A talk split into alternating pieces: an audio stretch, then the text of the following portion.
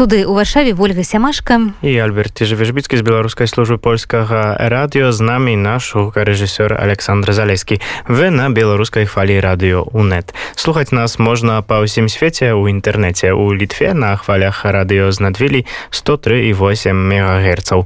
Дарэчы гэта радыё можна слухаць і ў паўночна-заходняй беларусі.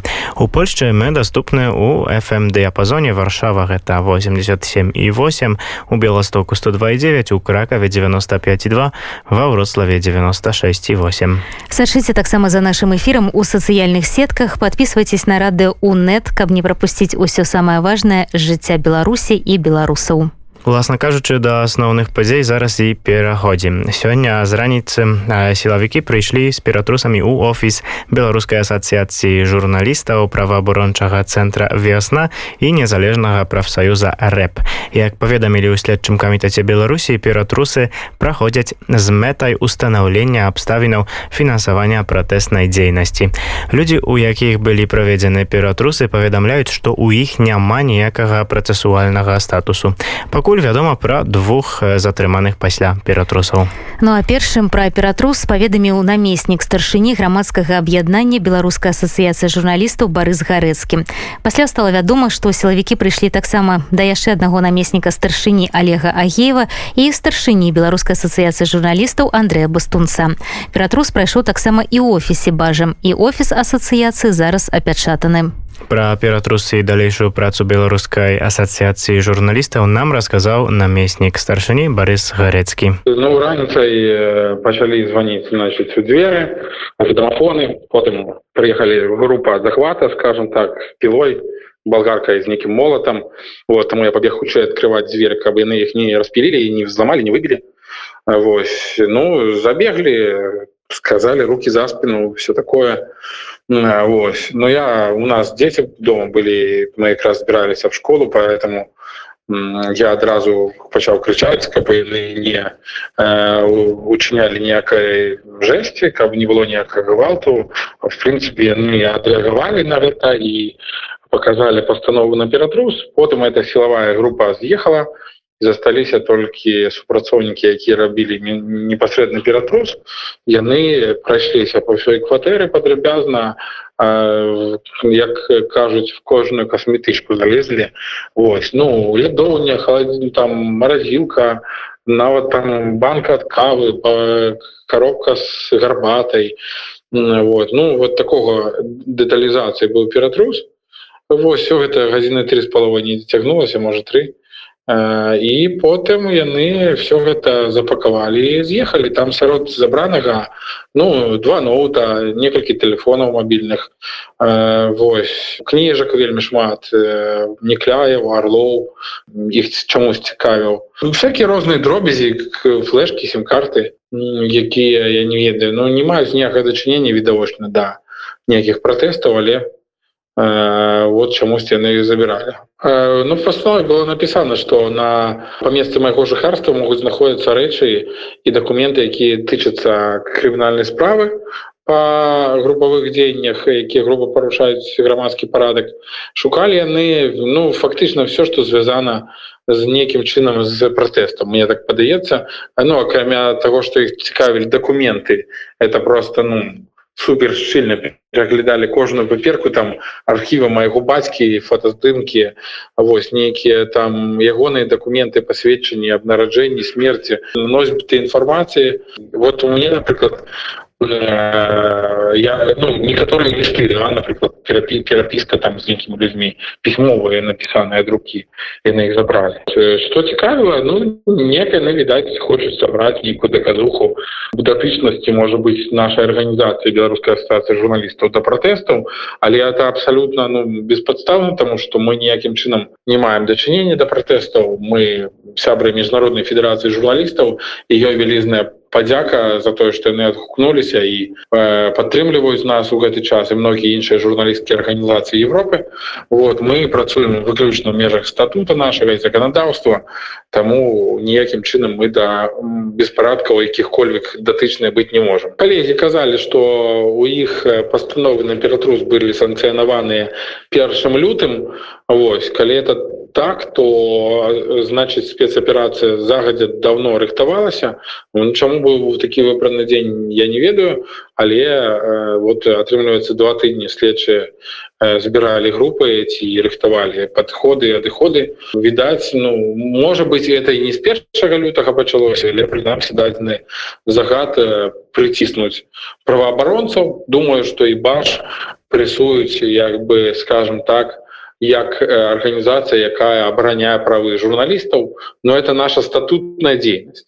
У нас це написано в статуті офіційно зареєстрованим міністерством юстиції. Ми створені для того, щоб обороняти права журналістів. Ми це і робили, і от е, на нас так само наїхали, як і на інших правоохоронців. Ми плануємо далі працювати як і раніше, абсолютно в легальному статусі і юридичному е, полі. Хоча це складно, тому що опечатаний офіс, і непонятно, де ми це мусимо збиратися і працювати, і е, забрали печатку організації, статути і інші документи дакументы А вось зноўку такі абсалютна легальныя Ну але трэба ісці далей таму что ну, мы же не можем спыняць свою дзейнасць Ну як бы просто таму что у нас там штосьці забралі адчуваем сябе ну просто няма тэхнікі ніякай кампутарам телефонам таму кінулі кліч па ўсіх хто можа можа быть хтосьці е, з калег дапаможа з тэхнікай хаця б часова каб мець магчымасць працаваць Ну да мы думаем працягваць сваю законную працу еўрапейскі суд асудзіў дзеянні беларускіх сілавікоў якія праводзяць масавыя ператрусы ў журналістаў і праваабаронцаў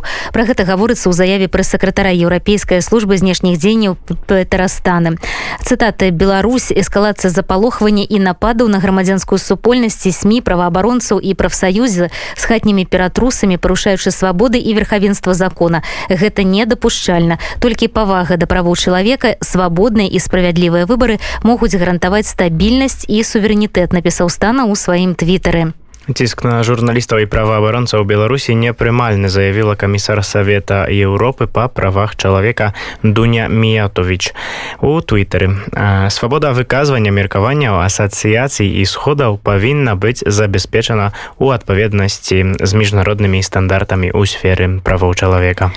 Раней еўрапейская федэрацыя журналістаў запатрабавала ад беларускіх уладаў неадкладна спыніць пераслед прадстаўнікоў медыя і беларускай асацыяцыі журналістаў. Федэрацыя заклікае аб ОБСЕ, Совет Европы и Евросоюз принять меры для обновления верховенства закона о Беларуси з аналогічними потребуваннями до ўладаў Білорусі звернулася і Українська асоціація журналістів зі старшиньою старшынёй Сергеем Таміленкам размаўляла наш кореспондент Анастасія Крывашеева. Самого ранку е, ми відслідковуємо дуже стурбовані тієї ситуації, що е, наразі масштабна відбувається зачистка, можна так сказати, від е, незалежних журналістів і від правозахисників у Білорусі. Зокрема, нас надзвичайно турбує ситуація пов'язана з обшуками і затриманнями керівників незалежної білоруської асоціації журналістів.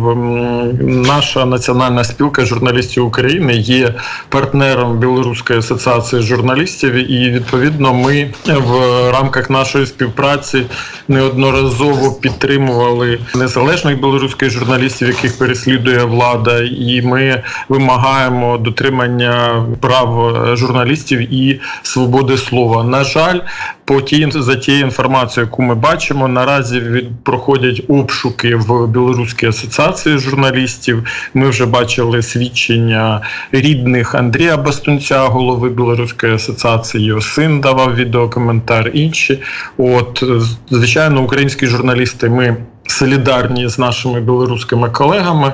От ми перебуваємо на прямому зв'язку з Брюсселем, з Європейською федерацією журналістів. Буквально кілька хвилин тому вийшла спеціальна заява Європейської федерації журналістів, де знову ж висловлюється однозначна солідарність із нашими колегами білоруськими, і однозначно президент Європейської федерації журналістів пан Могенс Блієхард вимагає все ж від білоруської влади звільнити всіх затриманих журналістів і припинити переслідування. Водночас ми е, так само на жаль констатуємо, що недостатніми є зусилля дипломатичних ем, і різноманітних міжнародних інституцій, таких як е, Рада Європи, як ОБСЄ і інші структури, які на жаль з минулого року не об'єднали достатньо зусилля для того, щоб захистити е, журналістів і свободу слова в Беларуси.